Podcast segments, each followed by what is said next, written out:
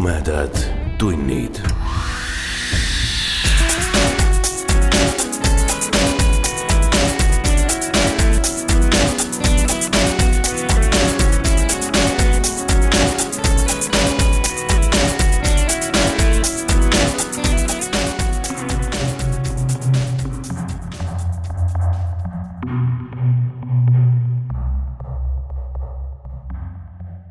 tere, hea ulmesõber.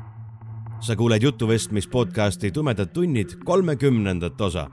mina olen saatejuht Priit Öövel. nagu lubatud sai, ilmub sel mail ka teine meie podcasti tavaosa. tegemist on meil olnud palju. nädal tagasi nägi ilmavalgust ka meie toetajatele mõeldud neljas osa sarjast Tumedad tunnid ekstra, mis sisaldab endas nelja esmatõlkelugu suhtlusplatvormilt Reddit ja selle alamfoorumist No Sleep nii et kui teile meie tavaosadest väheks jääb, hakake meie toetajaks lehel patreon.com kaldkriips tumedad tunnid ja kuulake lisa. juunikuus teeme väikese hingetõmbepausi, aga seda ainult selleks, et juba juuli algul alustada selle suvise suure järjejutuga. viie nädala jooksul jõuab teieni rohkem kui kolme ja poole tunnine õudusklassika kultusteos. aga nüüd tänase jutu juurde Reno on lapsest saadik teadnud, et ta on nõid. Millegipärast aga on teekond tunnustuseni raske ja täis müstilisi ohte. mina, Aiki, Maia Öövel ja Mattias Öövel loeme teile Karen Orlau müstilise loo Õpilane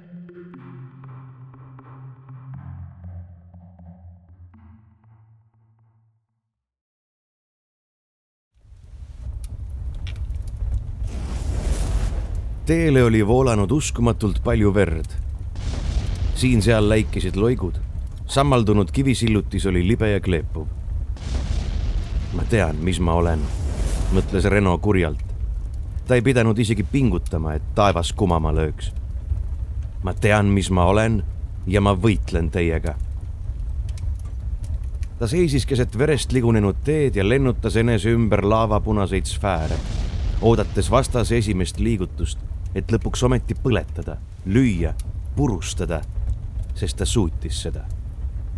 ta ei tahtnud mitte midagi muud nii kirglikult kui lüüa, vastu lüüa, kogu oma värske, tulise ja uskumatu jõuga. ümberringi oli vaikus. Reno tundis, kuidas see kõrvatrummidele surub ja ärkas.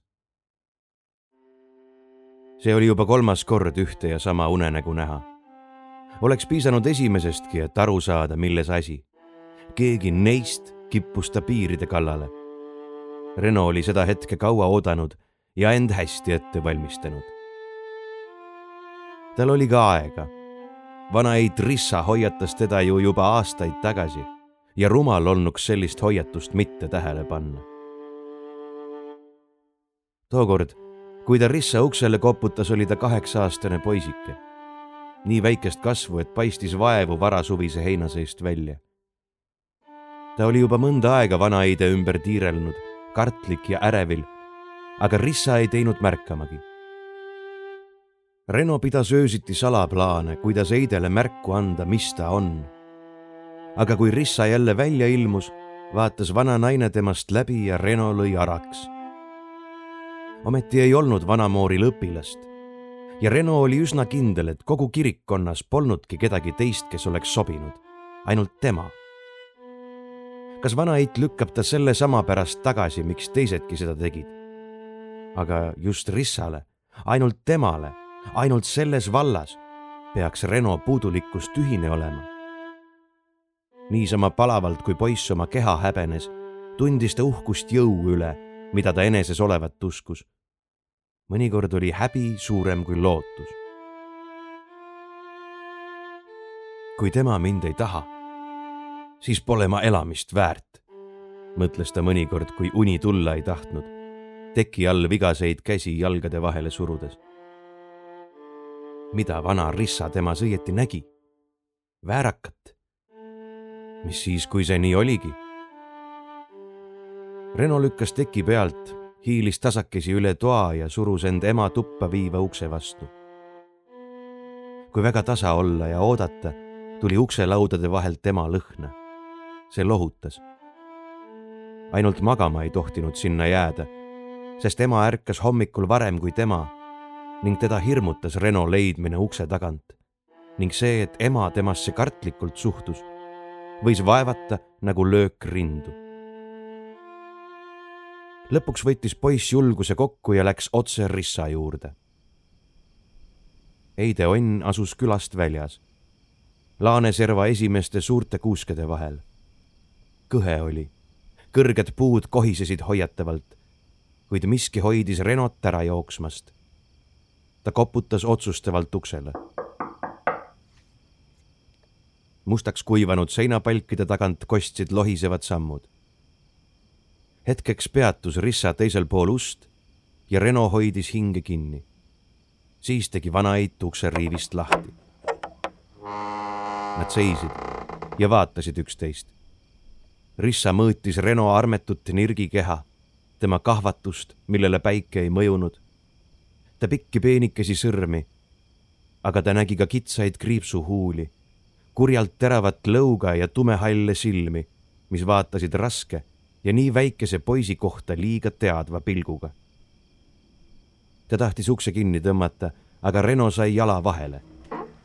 mis asja sa tahad? küsis Eit siis tõredalt. Võta mind õpilaseks. kõlas soov, mis tuli hingepõhjast. sind? Rissa lasi ukse lahti ja vaatas poissi uuesti. vaatas kaua. Reno tundis end vanaeide vesihalli pilgu all nagu põrsas lihuniku käes, kuid pidas vastu. sind? naeris Rissa põlastavalt. ära tee nalja. palun võta mind hüüdis Reno, teise otsuse lõplikust kuulda tahtmata, endal hääl kurgus kinni. kaamus selmis, käratas Rissa ja ta hambutu lõug tudises kiiremini kui tavaliselt. lasi minema, mine õpi endale amet, ela inimese elu ja viska see mõte peast. ära mängi tulega või saad kõrvetada ta lõi ukse kinni sellise pauguga, et varesed tõusid kuuselatvadest kraaksudes lendu Reno ei mäletanud, kuidas ta kuusikust koju sai. süda tagus kurgus, aga silmad olid kuivad. mul pole teda vaja, otsustas ta. ma saan ise ka.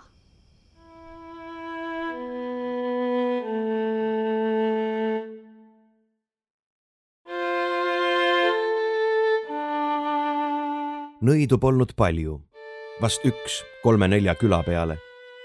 Kuid nõidadel olid omad väga vanad piirid, millest kinni hoiti. oli siis vahepeal kuhugi kirik ehitatud või mitte. sellepärast juhtuski, et mõnikord oli kogudus jagatud kolme nõia vahel. mõnikord jooksis üks nõid kolme koguduse asju. sellised veidrused olid siiski harvad, sest nagu rahvas ütles, kirikud sättisid ennast nõidade järgi. ja targasti tegid, sest kui suremise asjad käisid kiriku alla olid sündimise ja elamise asjad nõia hooleks ja enamasti oli mõlemal käed-jalad tööd täis. nõidu kardeti, kuid nad olid vajalikud, sest kui tõsine häda käes, oli igalühel kindlam tunne, kui nõialt abi võis saada. ja kui keegi üldse hingevaaku ja surmahammaste vahelt tagasi tõi, siis ainult nõid. kui temal ka asi untsu läks, võis kirikisa tulla ja sõnad peale lugeda halba ei teinud see siis enam kellelegi. aga et sellest enne kasu oleks olnud, selle uskumiseks pidi vaimust nõrk või vana tüdruk olema. nõiad kaitsesid oma võimupiire kiivalt, elasid omaette ega armastanud üksteise seltsi. kuid nagu hundid, kes talvel, kui toitu vähe, karja kogunevad, said nõiad siis, kui tõesti väga vaja oli kokku, et nõu pidada õhk oli siis tavaliselt varjatud hammaste näitamisest ja külmast ettevaatlikkusest pinges. kuid vastu võetud otsuseid võeti seadusena. see oli lihtinimestega koos elamiseks hädavajalik. kui nõid õpilase võttis, päris õpilane pärast õiguse vana nõia piiridele, sest võis kindel olla, et õpetaja oma asemikule mõned väga olulised reeglid selgeks teeb isehakanuid ei talitsenud ükski seadus. Nad olid ohuks nii inimestele kui nõidadele endile, seepärast tehti isehakanutele ruttu ots peale. visahingelisi, kes kõrtside ja maanteede ei kellegi maal hulkusid ja oma oskusi pigem tapmiseks ja varastamiseks kasutasid, kutsuti mustadeks, määrituteks või märgituteks ja nende endi elu ei maksnud midagi.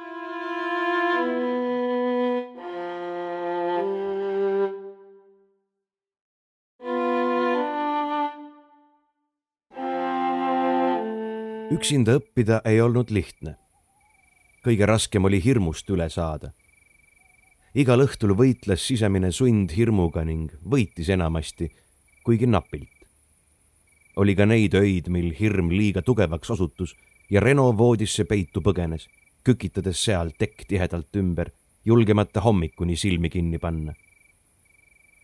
aga järgmisel õhtul seisis ta jälle õues ja tundis, kuidas hämarus ligi hiilib ning kaasik maja taga ärkab ja sosistab. vanaisa istutatud puud andsid julgust. Need kased olid sõbrad. kaasiku tagant algas aga kuusemets, sünge, pime, sügav.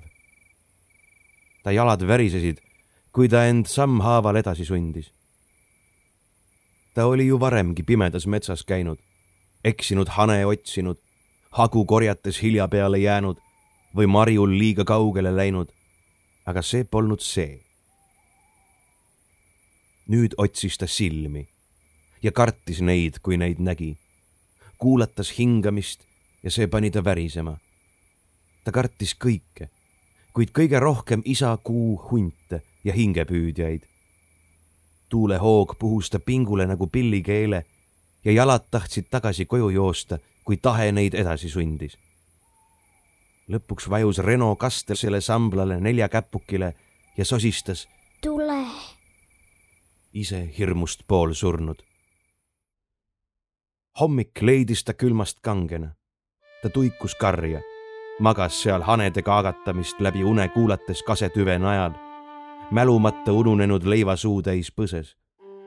hämaruse saabudes ronis ta metsa tagasi, endal jalad all nagu nööri otsad. hirm oli suur aga tahe oli tugevam. nii läks nädalaid, kuid, terve suvi, teine, kolmas, neljas. ta tuikus päeval tööd teha lihtsalt tahtejõust. sageli jäi sellest väheks, siis tuli vihast jõudu juurde ammutada ja see aitas alati. ta meenutas Rissa vana seenega sarnanevat nägu tunnet, kui ta nutt tulise kerana kurgus kuusikust koju jooksis. Rissa ei pidanud teda mitte nõiatööks kõlbmatuks. vanaeit lihtsalt kartis teda. ometi oleks just Rissa pidanud aru saama, kui palju see Reno jaoks tähendas. äratõukamine oli ebaõiglane ja alandav. selle meenutamine toitis Reno tahet, kui see kõikuma hakkas hirm teise maailma ees kadus ajapikku. tal polnud enam piiri ületamiseks pimedust vaja, sest ta hakkas sobituma. hirm teravdas meeli, õpetas, kuidas õieti üldse näha ja kuulata. nüüd püüdis ta tajutut mõista. mõnikord tabas ta end kahtluselt, kas seda kõike endale siiski ette ei kujuta, lihtsalt sellepärast, et ta nii väga tahtis. ei ütles sisemine hääl. sa tead, sa oskad, sa oled. Reno võis end nüüd kasvõi karja valvates unustada kuusepuud vaatama, süvenedes selle koore keerulisse mustrisse. õppis salameeli käänama, tajus hingajaid lähedal, kuulatas kolmanda kõrvaga ja kuulis sosistamist. ma suudan seda. ma tean, mis ma olen kinnitust saanud usk andis jõudu. oh kurat, ma tean. keretäie kadunud lammaste eest võttis ta vastu tuima allaheitlikkusega. liiati ei raatsinud ema kõvasti lüüa. ära mängi tulega, hoiatas ema kunagi. keegi ei pääse karistamata. tema teadis neist asjust üht-teist ta vanaema õde oli samuti olnud nõid ja ema kartis teda nagu tuld. Reno mäletas häguselt, kuidas üks paks ja haisev vana naine oli ta õhku tõstnud, hüpitanud, nuusutanud nagu koer konti ja siis ootamatult maha pillanud. raske laps sul. ütles vanaeit Reno emale, kui see hirmunult poja juurde jooksis ja ta sülle haaras. Reno oli sel ajal küll veel väga väike, aga ta märkas vaartädi silmis selget kurja sädet. ükskord, mäletas ta, läksid nad emaga tädile külla. ema ei tahtnud Renot kaasa võtta, aga last polnud kuhugi jätta, ole minu ligi ja ära tädi pahanda. õpetas ta poissi. hoia mu käest kinni. Reno noogutas tummalt. kui nad läbi metsatuka kohale jõudsid, seisis vanatädi maja ees tiigi ääres. tal oli käes rabelev ja siputav kott, mille külge Eit parajasti kivi sidus. tere, Marta. tervitas ema aupaklikult. kuidas tervis on? vanatädi tõstis pea ja silmitses neid, lai hambutu suu naeratuses pärani. koerva reo sai kutsikaga maha ja see puha värdjas kolme käpaga. Ei sellest elu looma saa. vette, mis muud. ta rääkis küll emale, aga vaatas ise Renole otsa ja viskas koti tiiki. kostus niutsatus, kui kivi koti vee alla tõmbas. kuigi Reno pigistas silmad kinni, tundis ta, kuidas kutsika viimased hingetõmbed õhumullidena pinnale tõusevad. ta tegi silmad lahti ja nägi vanatädi ainitist säravat pilku. Ka tema ei vaadanud tiigi poole, vaid jälgis Renot salamuie suul.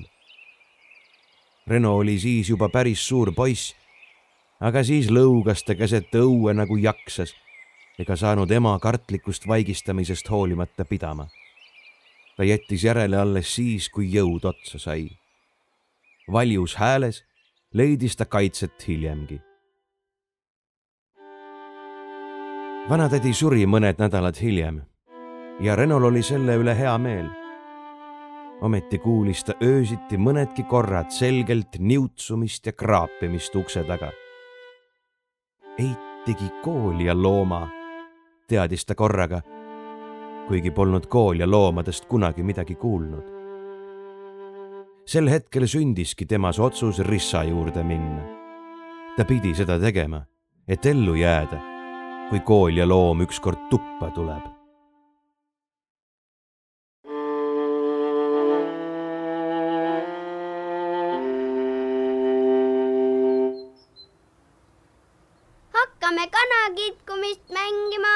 hüüdis Meiko ja lehvitas kätega endal suu heast meelest kõrvuni. tibu, tibu, tibu, tule siia, me teeme sinu suppi. kuule, kana, kas sa inimese juttu ka räägid? itsitas Leia ja sudis aiateibaga aida alla. kas sa kana lendu ka tõused? Häh, loll, millal kana lennanud on? tiris Meiko Leiat patsist. Äkki ta hoopis muneb meile? jah, kana, mune meile üks muna, mune meile üks kuldmuna, sa oled just selline suur kana. kuldmuna, Renu muneb meile kohe kuldmuna. ka, ka, ka, kakab meile muna. Meiko lõkerdas naerda, aga Leia vaatas enne igaks juhuks kahele poole ümberringi, enne kui vennaga liitus. äh, see nüüd laseb sulle kuldmuna. Reeno laseb paganaid ja saepuru. Reno redutas aida all nagu kass. naabrilaste toikad ei ulatanud temani.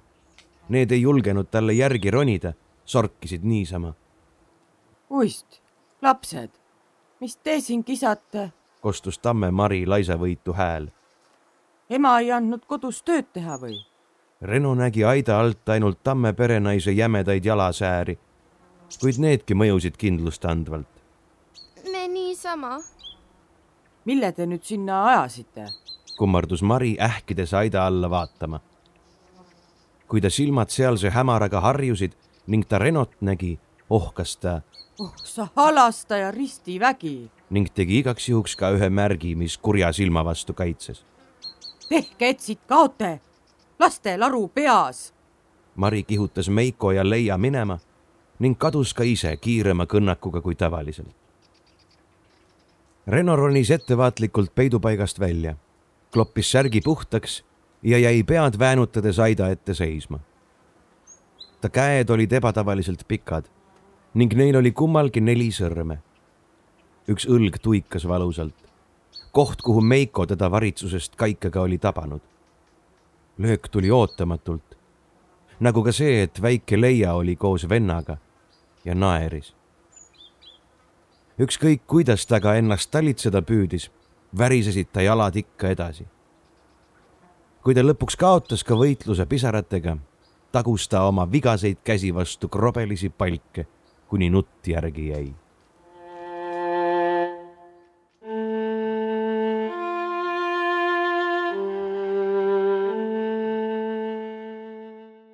mis sa sellest värdjast üldse alles jätsid? Kuulis Reno köögist saunanaise sosinat. mis sa hullu juttu ajad?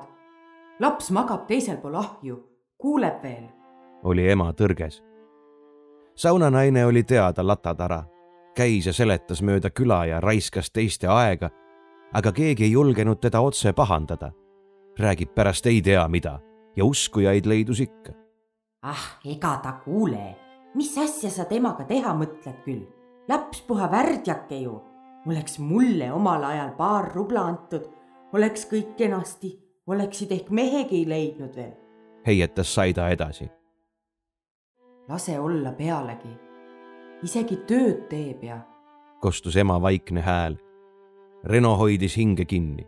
ära lori, mis tööd, nende kätega ja rahvas sosistab, et peaga pole kah asi korras käib teine öösel metsas möirgamas mis sa selle kohta öelda oskad? see on hull ka veel? ema vaikis. peidab ennast metsa ära ja siis möirgab, justkui kurjad vaimud oleks. jahimehed ehmatasid päris ära. mõtle, nad ju täismehed ja mitmekesi metsas. aga see hääl oli kõhedaks võtnud. hakkasid siis ikka hääle poole hiilima, sest kõrtsmikul oli hõbekuul püssis. tead isegi, mis? ja leidsid selle põõsastest endal silmad pahupidi ainult valged väljas. aga mörgas nagu vana karu, suust jooksis ila nagu poolemeelsel. mets ümberringi kott pime, oleks poiss peaaegu hõbekuuli saanud. mis sa selle peale kostad, ah? ema ohkas väsinult. eks ta üksi mängib, mis tal pähe tuleb. mina ei tea. sa ole ettevaatlik. mina olen sind igatahes hoiatanud ema ja Saida tasandasid veel häält. nüüd ei saanud Reno enam nende sosinatest aru. sure ära, mõtles Reno ja viha täitis kogu ta keha nagu teine vereringe. läbi selle tundis ta isegi seda, et ta mõlemal käel on neli sõrme ja mitte ühtegi pöialt. ma tahan, et sa ära sureks. sure, sure Saida sosistas veel mõned ma ju hoiatasin moodi kõlavad sõnad ja kobistas uksest välja. vanaeit suri peagi, külmetus olla hinge võtnud. külas mäletati veel mitu aastat Eide Irevil suud, just nagu oleks teine enne teise ilma minemist midagi väga koledat näinud. ema istus sel õhtul Reno voodi veerel. on sinuga kõik korras? küsis ta lõpuks Reno noogutas innukalt.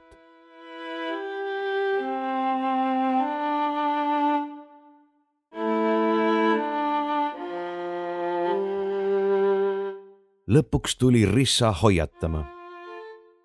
ta leidis Reno heinamaalt heina kaarutamast. poiss kasutas reha vigastest kätest hoolimata väga osavalt. sülitas ainult pihku sagedamini kui need, kellel pöidlad olemas. vana naine vaatas hetke kuidas poiss heina kaarutas ja astus siis lähemale. Rissa oli väga vana ja Reno märkas, et oli kühmu vajunud naisest juba pool pead pikem. Rissa juuksed olid hõredad. roosa pealagi paistis selgelt hallide ebemete vahelt välja. vanamoori lõug tudises rohkem, kui Reno seda mäletas. ja tema kühmulised, maksaplekke täis käed kuulusid surmale. Veider oli näha neid liigutamas. Rissa, sa oled vana, ütles Reno kõlavalt. see oli nii tõsi, et muud jõudu polnud vajagi. sa sured varsti ära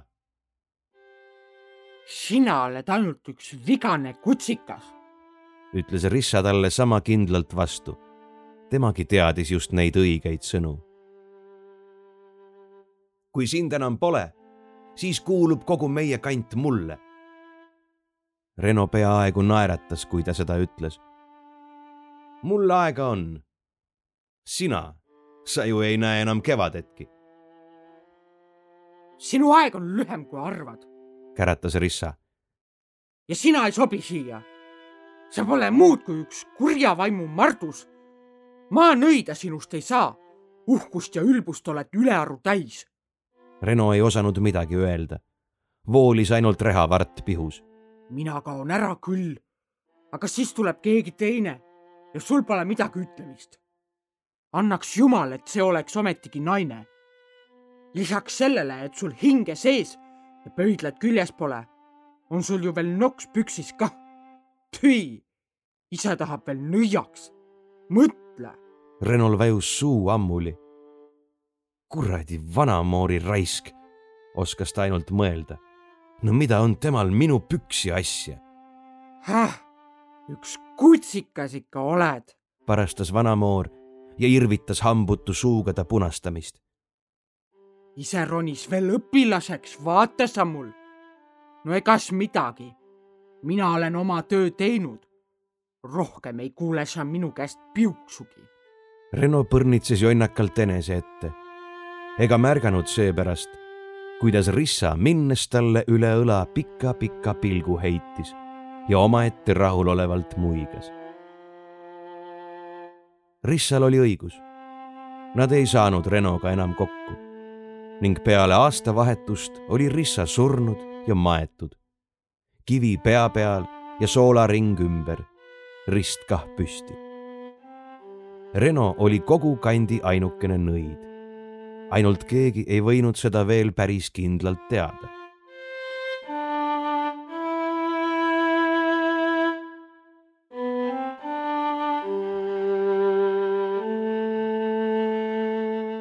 aastad läksid ja inimesed surid.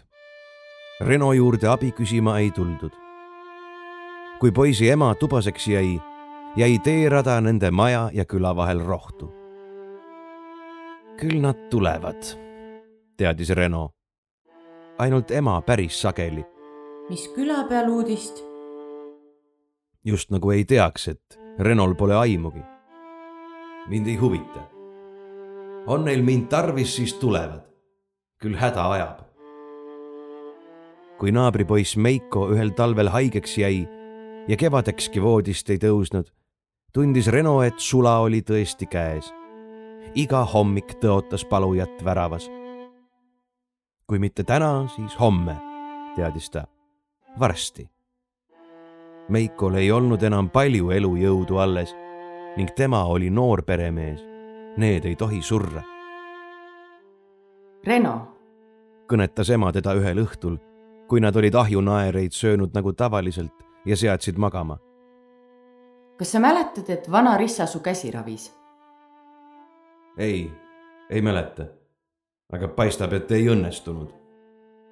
ta ei sällinud sind juba siis. aga ta tuli meie juurde kutsumatagi ja tegi, mis oskas. kahju küll, et ta selline käpard oli, kehitas Reno õlgu. jah, aga ta oli kuidagi nagu toeks. sellega, et rääkis, kuidas mind tuleks linaleo auku visata. kui see sulle toeks oli, siis. nojah, aga ta ikkagi ravis. Mis sest, et oli karmi sõnaga. minu poolest oleks see ravimine võinud sama hästi küll olemata olla. mis kasu sellest oli? ah, ega muud kui. mina pole rissa.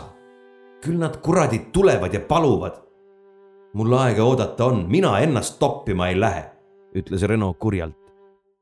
ema oli lihtsalt liiga pehme. ja kui ei palu, siis kärvavad maha, mis see minu asi on. Aga see on ju sinu küla. ei jätnud ema seekord nii kergesti järgi. jah, just, selles asi ongi, see on minu küla ja ma teen temaga täpselt, mis ise tahan. ei olnud ma Rissa jaoks hea küll, ei pea mina tema reeglite järgi tantsima. ei ole ma hea küll, et paluma tulla, ei pea mina kedagi maha kärvamast takistama ma ei hakka kätt ette panema, kui kellelgi teise ilma nii kiire on, et siit ei jõua läbi astuda. Mis nõid sa siis oledki? küsis ema vaikselt.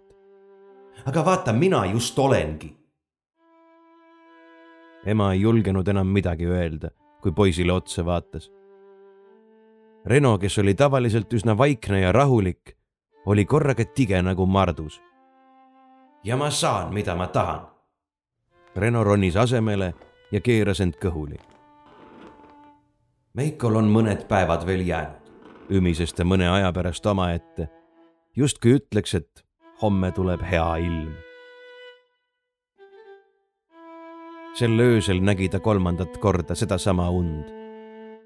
ta lõrises nagu koer, kes hoiab võõraid oma väravast eemal, möirgas nagu karu, pildus sõrmedest tuld, endal turjakarvad verelõhnast turris ärgates teadis Reno, et tulija on lähedal. Koolja loom oli öösel kurjasti ust kriipinud.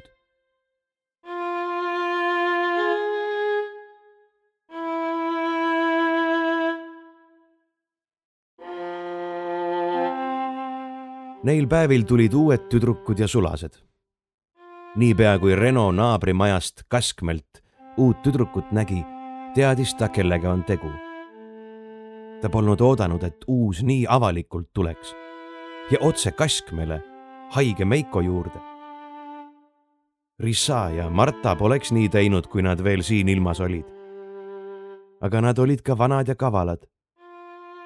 pidi kiiresti tegutsema, enne kui uus julgeb avalikult ravima hakata ja külas asjad segaseks ajab. Reno kaevas heinamaa ääres kraavi kui märkas, et Kaskme uus tüdruk teda kevadise võsavarjust hiilis. Tüdruk näis esialgu ainult veidi vanem kui tema, aga ta liigutused tundusid ebaloomulikult haprad ja ettevaatlikud. võimalik, et tegemist oli moondajaga.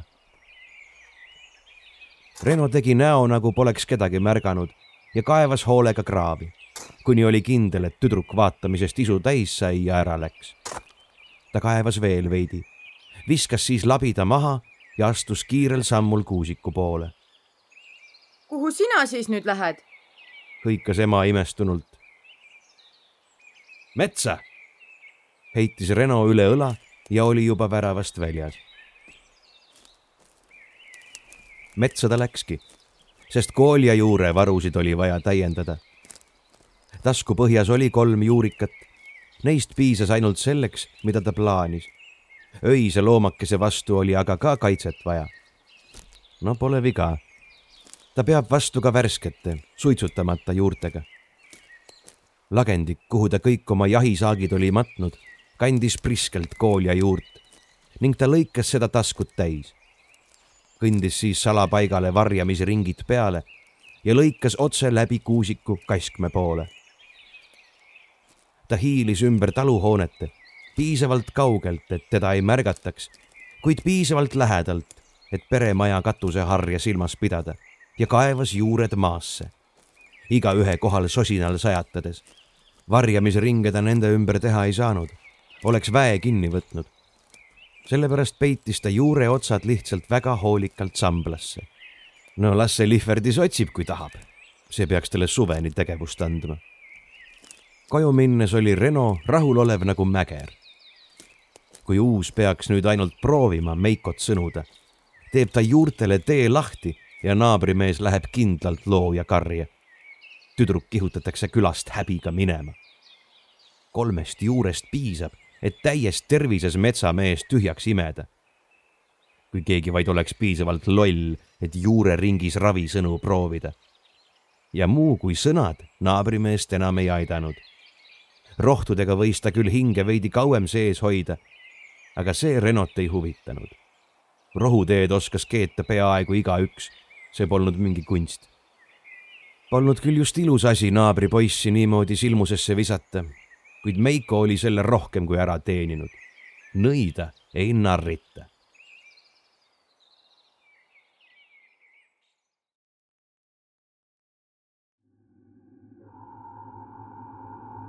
märg kutsikas istus keset põrandat. tühjad silmakoopad Reno poole. Loom tilkus ja lõdises armetult, kuid tal olid suure koera kollased hambad. kuigi ta lihast paistsid läbi valged surnuussid, olid ta käpad tugevate küünistega varustatud ning Reno uskus end teadvat, et jõust neil puudu ei tule. värske kool ja juur ei olnud nii vägev kui suitsutatud taim ega pidanud looma ukse taga. siiski hoidis padja alla pistetud juurikas eluka voodist eemal. Nii et Reno oleks võinud rahulikult magama jääda, ilma seegi kord õnnetut looma vigastamata. ta siiski ei uinunud, vaid lamas avasilmi. ta mõtles pingsalt ja leidis siis, et ei oleks saanud midagi targemat teha. uus pidi olema ravija sest ainult ravija peaks otse surija juurde minema. ning Reno juba Meikot ei loovuta. Korraga käis maja uks. Reno kargas istukile, selg hirmuhigine. see sinine kurat, polnudki ravija. see oli puhas pettus. uksel seisis Meiko, silmad hallid nagu surnutel ikka ja hambad nagu koolialoomadel, pikad ja teravad. vana suitsutatud kooliajuur oleks võib-olla ka tema ukse taha jätnud, kuid nüüd tuli ta voodile lohiseva sammuga lähemale, palju lähemale kui kutsikas. Meiko istus otse Reno ette maha, lõug üle voodiserva ja vahtis sealt üles. tasakesi libisesid ka käed linale, nii et küüned jäid lõuaga ühele joonele täpselt nii kaugele, kui kool ja juur lubas. Reno unustas vandumise. tal ei jäänud muud üle, kui hakata sõnama ning pealegi ülima ettevaatlikkusega. uus võis samuti jõuda üht-teist üles sättida, mis sõnu teistpidi keerab. ja ta võis Reno kaitsetega hakkama saada. nooruk ei eksinud siiski kordagi, kuigi tajus mitmel korral silmuseid ja vihatud naabripoiss lagunes ta silme all. isegi nii, et oli häda ta hommikuse ärasaatmisega. Kui Meiko sellisena Reno majast leitakse, võis asi hulluks minna. uue juurde ei saanud ta Meikot sõnuda. see oli kogu Kaskmele kaitse peale pannud. seepärast saatis Reno surnumehe otse sohu ja temaga tükkis ka kutsika. kuigi sellest elukast oli omamoodi kahjugi praegu näis, et vana Marta Koolja loom oli Reno päästnud, sest poleks olnud kutsikat, poleks olnud ka juurt padja all. Poiss muigas rõõmutult. hommikuks oli Reno üsna läbi. vastusõnade vahel põiklemine ja pidev surumine väsitasid kõvasti. lausudes polnud ta saanud uuele tüdrukule mõelda, kuid niipea kui öised külalised laukasse vajusid ronis Reno majast välja ja kontrollis kaitseid. kõik tundus korras olevat. Peale selle ime pisikese augu, mille ta kutsika jaoks oli jätnud ning mille ta nüüd kinni pani. nüüd võis uus soerd kogu küla ära pöörata, aga temani nad ei ulata. hetkeks kihvatas kadedus hingest läbi. tegemist oli ikkagi tema külaga kuidas kurat on teised tema vastu musta nõia saatnud kuigi ta oli ise väljaarvatu, teadis ta vähemalt nii palju, et üks asi on inimene ravimata jätta, hoopis teine aga tappa. kas siis uus polnudki teiste saadetud? väljaarvatu nagu temagi? aga mis tal siis Reno külasse asja oli? Reno turgutas end natuke ning saatis siis varesed välja. hoiavad uuel silma peal. ta suutis seda loitsu hoida umbes päeva jagu nii et võis ise samal ajal muule mõelda. Aga nii pikka aega polnud vajagi. varude täiendamine ja veel mõned olulised teod võtsid ainult pool päeva. ta kiirustas metsas, sest tuul kandis ärevaid sõnumeid. see ohkas ja ümises nagu elusolend, rabistas lehti ja keerutas heina. ronk, va must lind, kraaksatas ühe ainsa korra, kui Reno lagendikule astus ja ei tõusnud lendu. Rebane, keda ta kohtas, seisatas, vaatas teda hirmutult ja keeras siis laisalt vasakule. sabaots paistis tüvede vahelt nagu pilge. oks, mille ta pihlakalt murdis, oli seest mäda. hoiatusi oli rohkem, kui ta jaksas tähele panna. vastane oli väga vägev. korraga tajus ta, et vastaseid oli rohkem.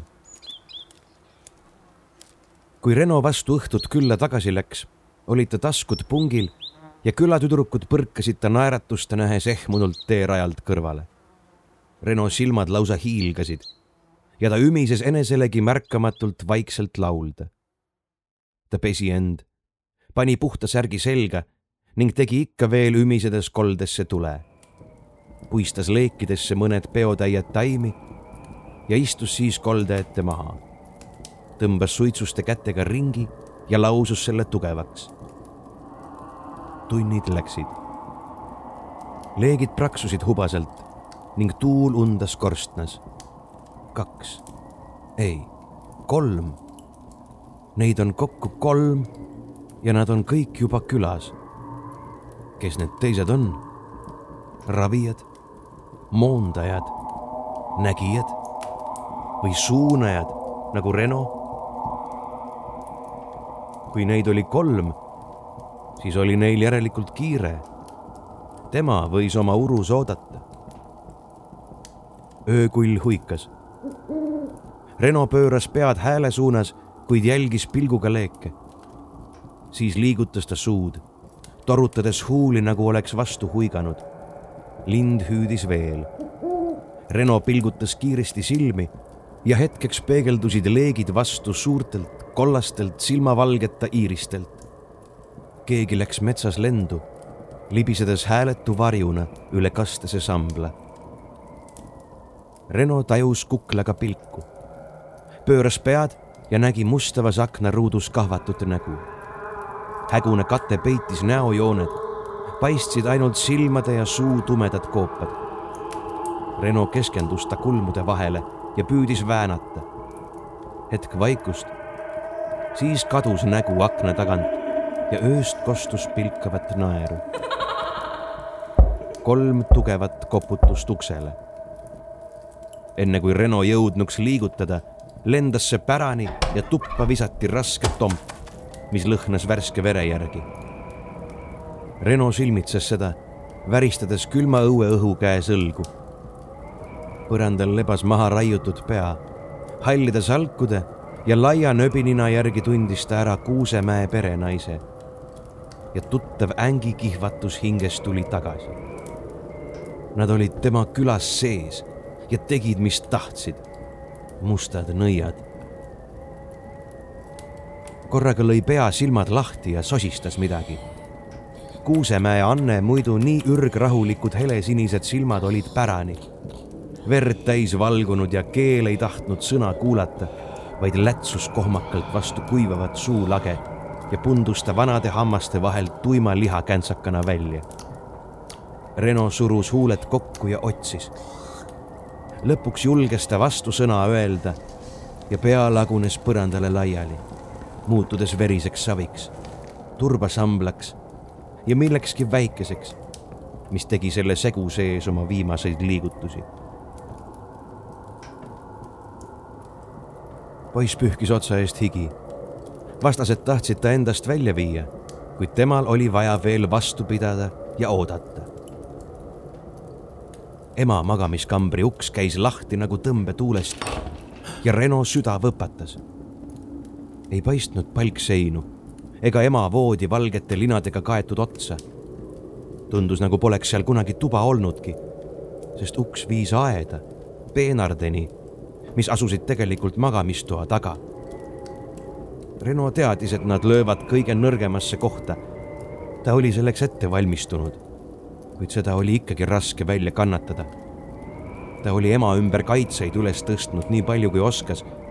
kuid praegu ei saanud ta mitte mingil juhul uurima minna, kas nähtu oli tõeline või oli tegu moondaja trikiga. jäi ainult loota, et kaitsed töötasid. Ta lisas tulle mõned taimed ja hoidis käsi suitsus. katuselt kostus rabinat. ta oli jätnud katuse mõnest kohast kaitsmata, nagu poleks tal piisavalt jõudu. ja paistis, et vähemalt üks oli selle peale tulnud, et ülevalt rünnata. Reno tundis, kuidas miski hingamisele surus. rinnakorv vajus sissepoole, nagu pigistaks külasepp teda oma seakintsu jämeduste kätega ja hing jäi kinni ta surus lõua rinnale ja tugevdas ringi. katusel oli ja sai vastupanust hoogu juurde ja surus veel. akna tagant kostus sajatamise sosinat. naise hääl, küllap Kaskme tüdruk. tuli praksus. Reno surus söestunud taimevarre pihku ja hakkis hinge õhku, lükates üles kõrvetavalt kuumi vooge. Katuselt kostus vihast urinat ja poisi hing löödi jälle kinni. ta naeratas pead väänutades. vastane hakkas hoogu minema. see oli hea. allteadvus hoiatas, et akna taga sosistaja lõhub juba ta kaitseid, kuid tal polnud mahti sellega tegeleda. öökull huikas. lõpuks ometi. Reno nägi ülevalt alla vaadates oma maja katust ja selle harjal istumas kõhna kahvatunäolist keskealist meest ta liigutused olid närvilised ja kiired nagu jahti pidaval rebasel. toas istuv Reno hüüdis kulli ja tõmbas nendevahelise sideme kokku. võõras jäi nende nelja silma vahele ja märkas seda liiga hilja. nüüd vallandas Reno kogu suitsust püütud jõu, peegeldas seda linnu metsikutes kollastes silmades ja surus siis hooga võõra kuklasse. vanad peatasid südame, kuid Reno meelest oli see rumal. süda polnud pooltki nii tähtis. võõras nõid vajus katuselt alla, hall ollus ninasõõrmetest voolamas. öökull otsis teist, seda, kes oli akna taga sajatanud, kuid ei näinud enam kedagi. Teine nõid oli kulli huiget märganud ja põgenenud. Reno ootas veidi kuigi suutis oma kärsitust vaevu ohjes hoida. ei kostunud ühtegi häält. ka öökull ei näinud midagi kahtlast. lõpuks usaldas ta linnu minema lasta ja hakkas kolde ees istudes ettevaatlikult oma kaitseid kontrollima. Need olid peaaegu korras. mõnes kohas oli sajataja küüned vahele saanud ja natukene katteid rebinud. järelikult pidi ema ja tema magamistuba olema seal, kus ennegi uksest paistis lihtsalt moondus. Reno asus selle süda otsima. leidis vihje ja sõnas vastusõna. pilt muutus häguseks ning lõpuks nägi ta magamistuba täpselt seal, kus ennegi. kuulatas kergendusohkega ema sügavat hingamist ja tundis alles siis pöörast võidurõõmu. ta kargas püsti ja tantsis mööda kööki kuni unine ema taganttoast pea välja pistis ja küsis, kas temaga kõik korras on.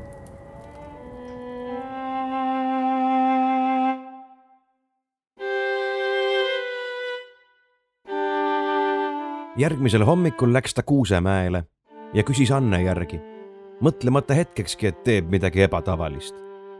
Lahingu ärevus oli veel hinges, sõda käis ja ta oli esimese lahingu võitnud. ta oli võitja ja võis teha, mida tahtis. aias töötav peretütar vaatas teda umbusklikult, kuid siiski aukartusega ja juhatas kööki. Anne sõtkus pika laua taga leivatainast, ise küünarnukkideni jahune. nõiapoissi nähes tardus ta paigale.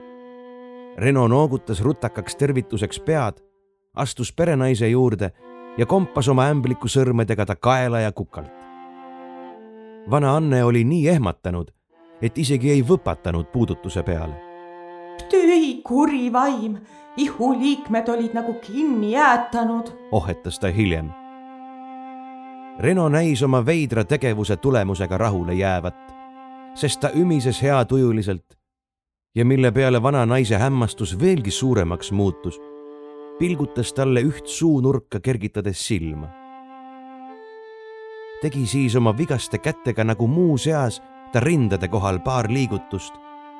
soe hakkas, lausa kuum.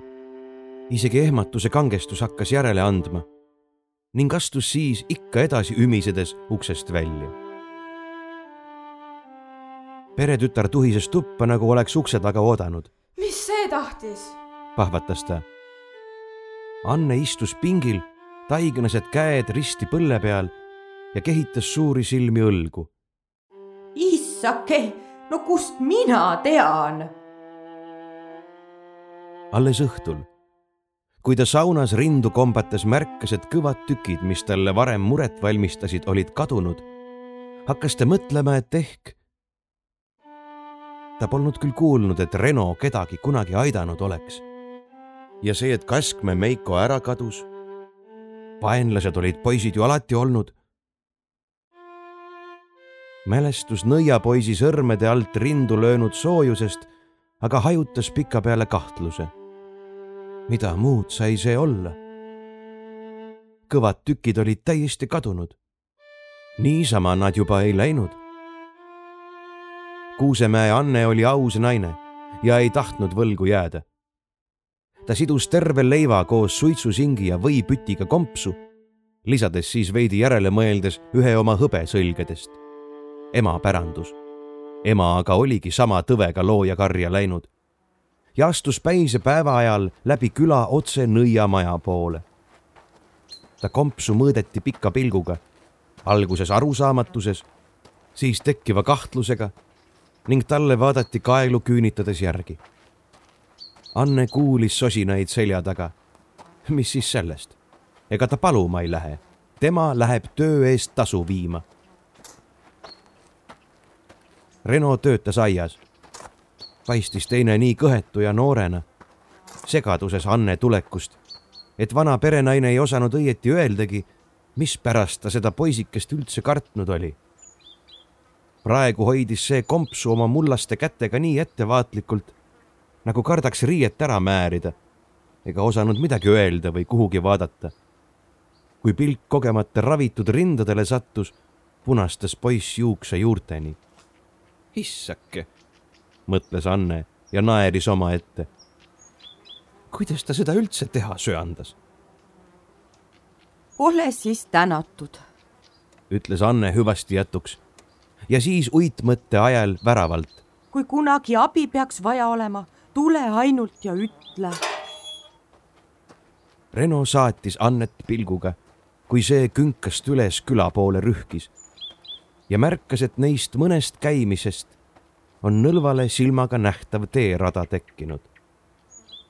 kompsust tuli suitsuliha ja ahjukuuma leiva lõhna. Reno viis kingi ettevaatlikult kööki ja ulatas õlgu kehitades emale.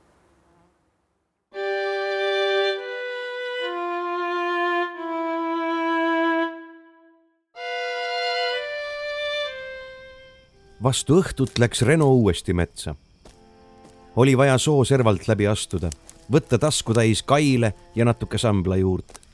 see pidi olema värske, muidu polnud kasu. võib-olla tuli see sellest, et ta mõtles liiga palju õhtust ja pidas sellest hoolimata vareste valvet piisavaks. võib-olla segas teda Anne külaskäik, et ta ei märganud jälitajat enne, kui see talle täpse käega munakivi kuklasse lennutas Reno jalad vajusid alt ära, nagu oleks nad vatist enne kui maailm pimedusse kadus, märkas ta kuuselatvade vahel taevas heljuvat kulli ja viskas metsiku tahtejõu pingutusega lingu üles. keha tahtis järele anda, pimedusse vajuda, lõtvuda, puhata. vaim piitsutas surmahirmust ajendatuna viimast teadvuse sädet, hoides seda kõige loomulikkuse vastu ärkvel. ilma suitsuta lindu püüda nõudis tohutut pingutust ka täie teadvuse juures. liiati siis pimeduse ilma piiri peal vaakudes. kuid surmahirm andis jõudu ja Reno tundis, et just siis, kui ta sõrmed lingult libisema hakkasid, andis linnu tahe järgi. latvade vahel varju otsides nägi ta puude vahel jässakat meest, kes kandis lühikest tumedat mantlit ja kaela ümber tervet peotäit luust voolitud talismane. miski ta liigutustes vihjas kõrtsikaklustele. mees astus ettevaatlikult ligemale, viibates veel ohutust kaugusest maas lamava Reno poole käega. teadvust leidmata naeratas nõid õelalt ja tõmbas vööl rippuvast tupest laia teraga jahinoa. Oli selge, et ta eelistas lihtsaid lahendusi, selliseid, mille peale Reno oma vastses nõiauhkuses polnud tulnudki. Reno istus oksale ja keskendus. paistis, et teadvuse sädet leidmata ei vaevunud võõras kaitsetega jändama. poiss ei tajunud ühtegi mees astus kiirel sammul lamaja poole, nuga löögivalmilt käes. kummardus, võttis lühikeseks tugevaks löögiks altkäe hoogu. Reno suunas kogu jõust, kuigi pea käis eelmisest pingutusest veel ringi. õnnestus, kuid mitte täiesti. mehe löök läks mööda, tabades lamavat Renot kõri asemel õla alla võõras tõi kuuldavale vihase möiratuse ja tõmbas vasaku käega kaitseks poolringi, et oma hooletuse viga parandada. Reno oli valinud aga teise rünnaku suuna. sellise, mida lööma vend kahtlustadagi ei osanud. Ning kui võõra oma käsi ta oma noa talle kõrri lõi, oli juba liiga hilja. Reno lendas lähemale. linnukehas poleks ta kauem vastu pidanud seepärast tuli riskida. ta vahetas keha tagasi ning tajus enne teadvuse kustumist õnnelikult, et inimese keha siiski elas, sest see pakitses üleni tervest elusast valust. Kui ta toibus, oli juba pime. sohu minna oli hilja, pealegi lõhkus pea valutada.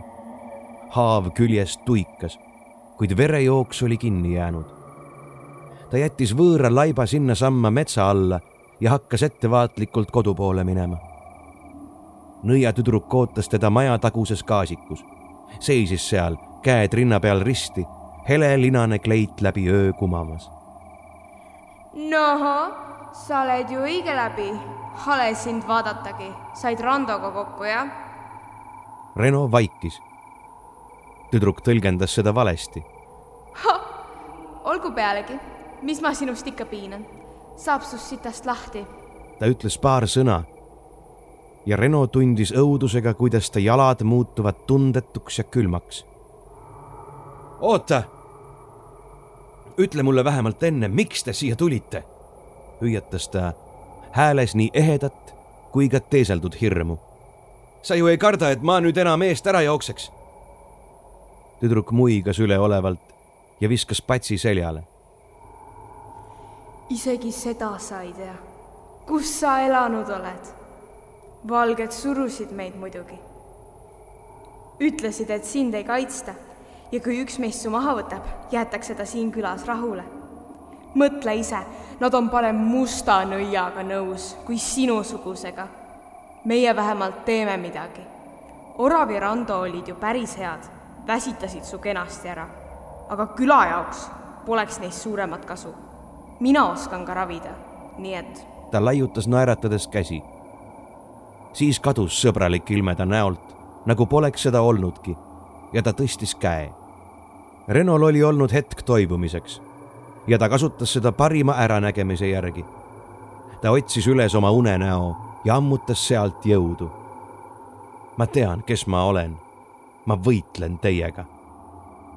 selle kahvatu näolise moondajaga vanade valgetega, kes ise ei julgenud näole anda, kuid saatsid talle need hullud koerad kraesse, kõigiga. raev kumas ta sõrmeotstest punase tulena ja ta lausus, nagu lausuks ta hinge seest. Musta nõia nägu moondus ja ta vastusõnad plaksusid piitsana üle Reno laiendatud piiride. nooruk tundis hoope, kuid jättis valu märkamata Reno lennutas tuld. tüdruk tõstis üles kalgi külma, mis mähkis end ümber lausuja, lõigates ta kuumi kaari ja muutes heina hallast valgeks. Reno vormis raevu ja saatis teele hõõguvaid tuleodasid, mis purustasid teele jäävaid kasetüvesid, lennates tüdruku suunas nagu näljased lohed. see hüüdis alla tuule, mis tulenooled enda keeristesse tõmbas, tagudes neid vastu puid pootuks.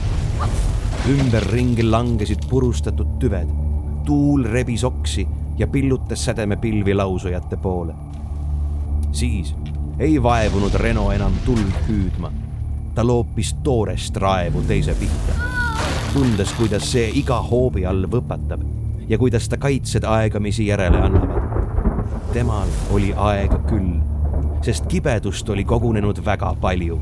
Need varud ei saanud otsa veel niipea. lõpuks must nõid enam ei rünnanud, vaid püüdis end ainult kaitsta. Reno ei lasknud tal põgeneda vaid lennutas ta teele lõõmavaid kärasid. ümberringi põlesid kased. Üks tüvi langes üsna tema lähedale, kuid ta isegi ei märganud. lõpuks vajus tüdruk käpuli maha ja Reno nägi, et ta ei jaksanud enam. ta kogus viimase, kõige tulisema ja kõige kauem hoitud viha hingepõhjast kokku ja lajatas sellega täiesti jõust. karjus siis kummaline vaikus, täis ainult hävitatud gaasiku praksumist. Tüdruku asemel paistis hall põlvekõrgune kivi. ohates langes Reno maha, põletades käsi kaskedelt lennanud hõõguvate sütega. ta oli kummaliselt tühi, puhkas põsk vastu mulda, kuulates tulepraginat. vanaisa gaasikust oli kahju ta lamas jõuetu ja nõrgana nagu pime kassipoeg, jaksamata ennast liigutadagi ja teades, et ei suudaks enam kunagi sellist lahingut pidada. mõne aja pärast püüdis ta end püsti ajada, kuid jalad ei kuulanud sõna. Need olid altpoolt põlve täiesti tundetud. must nõid tundis oma tööd. Reno püüdis vastusõnu otsida, kuid väsinud meel libises võõra loitsu pinnal ega haakunud kuhugi. lõpuks jättis ta selle sinnapaika ja hakkas käpuli kodu poole ukerdama. mõned söed jäid ettevaatusest hoolimata käte ja põlvede alla ja põletasid nahale vesiville. haav õla all oli uuesti lahti tulnud ja ta tundis sooja kleepuvat vedelikku mööda külge alla voolavat, kuid kodu katus juba paistis. tahtmata ema hirmutada roomas ta lauta heintele ja jäi sinna magama.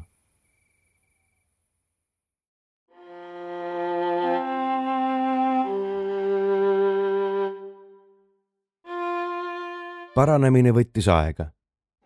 Randol oli olnud kuri nuga. haav mädanes ja kiskus palavikku üles. Reno ei jaksanud ennast õieti sõnada, pea oli tühi ja kumises nagu kirikukell. ema sidus haava ja hoolitses ta eest, võideldes kannatlikult palavikuga.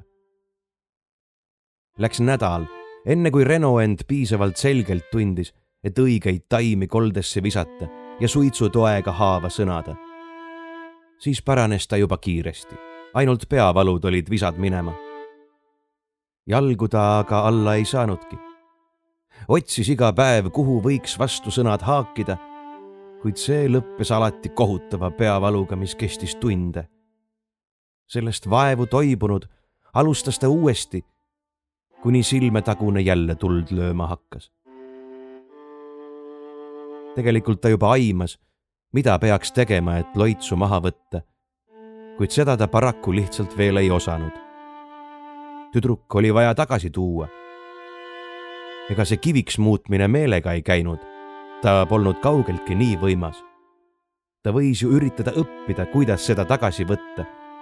aga see nõudis aega.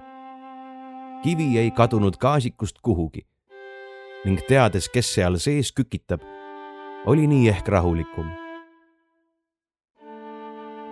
Ühel hommikul, kui ta pingil istudes rehapulki voolis, mida targemat ta selliste jalgadega teha saigi, ütles ema tuppa astudes nagu muu seas rist ja Madli läks mööda. ütles, et isa olla väga haige, köhib kõvasti, verist. ja nõnda halb on, et tööd teha ega midagi ei saa. hea mees on, aga nüüd on tal varsti vist minek. Madlist hale, kui ta nüüd sinna üksipäini jääb, ega temasugusel pole meest lihtne leida. ristja pole ka mingi suurem asi koht. oleks siis, äh, kuule, ega sa ei näinud, kuhu ma luisu panin? kas jätsin siia kööki? Reno osutas peaga laua nuka poole. ema läks viimasel ajal üha hajameelsemaks. seda oli raske mitte märgata. ema noogutas luisku, nähes heatujuliselt. Siis oli ta jälle läinud ja Reno võis edasi voolida. töö ei tahtnud enam minna. vägisi tulid meelde Kaskmäe vale tüdruku sõnad. Nad eelistavad isegi musta nõida sinusugusele teisest küljest, mis oli temal asja sellega, mida kari vanasid ja valgeid arvas. ta meenutas Rissat, selle tudisevat lõuga, Martat ja tema õelat pilku, kui ta kutsikat tuputas. kui nemad olid valged nõiad, siis oli see valgus küll õige viltune. temas ei olnud enam raevu, kui ta nende peale mõtles. tal oli lihtsalt ükskõik. Nad olid surnud kõdunegu rahus. vigased käed rehapulga ja noaga puhkasid süles. rist ja vanaperemees. Milline ta õieti oli? meelde tuli lai lühike habe, jässakas kogu, hall linane särk, sageli puulaaste täis. jah, seesama, sest isal olid samasugused kõõrdis silmad nagu tütrel korraga mäletas Reno, et vana ristja oskas häid vilepille teha. Polnud aimugi, kust ta seda teadis, sest et vaevalt oli vanamees ühtegi neist talle teinud. Aga ta lihtsalt teadis. nägi voolivaid käsi, erinevalt tema pikasõrmelistest ja veretutest tugevaid ja pahklikke. rehapulga asemel pajuoks, tööst rõõmu tundes vaikselt nikerdamas. nojah küllap see oligi nii. ta pani rehapulga ja noa ära lauale ja esitas endale lihtsa küsimuse. mis takistab mind minemast? Midagi ei tulnud pähe. ta võis sama hästi ka minna, sest ravida ta oskas. ta meenutas Annet ja tunnet, mis kellegi ravimine temas eneses tekitas. miks ma peaksin minema, arutas ta teistpidi kah ei tulnud midagi pähe, kui ainult siis vana rist ja vilepille voolivad käed. sama hästi võis ta ka minemata jääda. veelgi hullem, sama hästi võinuks ta sealtsamast pingilt vana rist ja sellisesse silmusesse visata, et see uinub ja enam ei ärka. Reno võttis taskust vaskmündi ja keerutas seda sõrmede vahel. ta viskas münti vaatas tulemust ja kehitas õlgu. viskas igaks juhuks teine kord veel. toppis siis mündi taskusse, kloppis püksisääred laastudest puhtaks, laskus neljakäpakile ja asus küla poole teele. jalgsi oli külla paarkümmend minutit, aga temal võttis see rohkem aega. Reno ukerdas kannatlikult, teades, et kodu poole tagasi saab õnneks juba rist ja vankriga.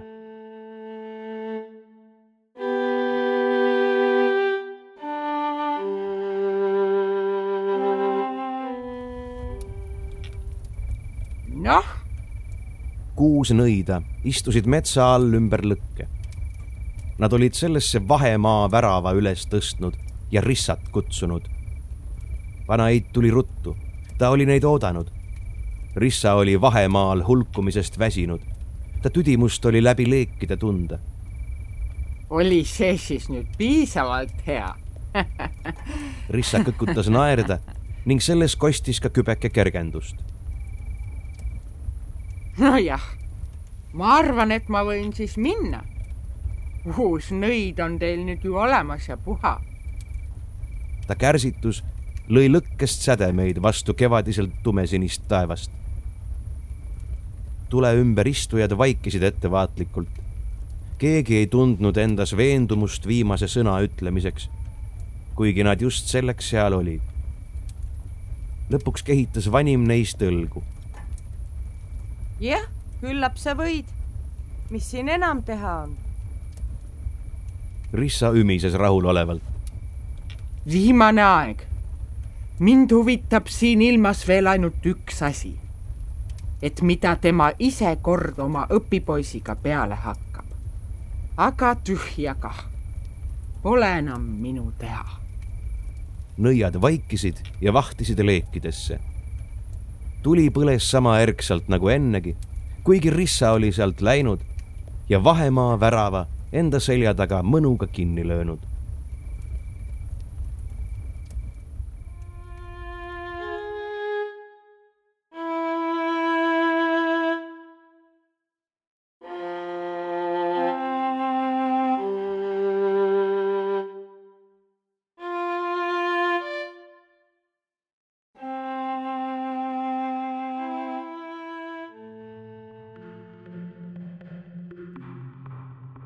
Te kuulsite Karen Orlau juttu Õpilane.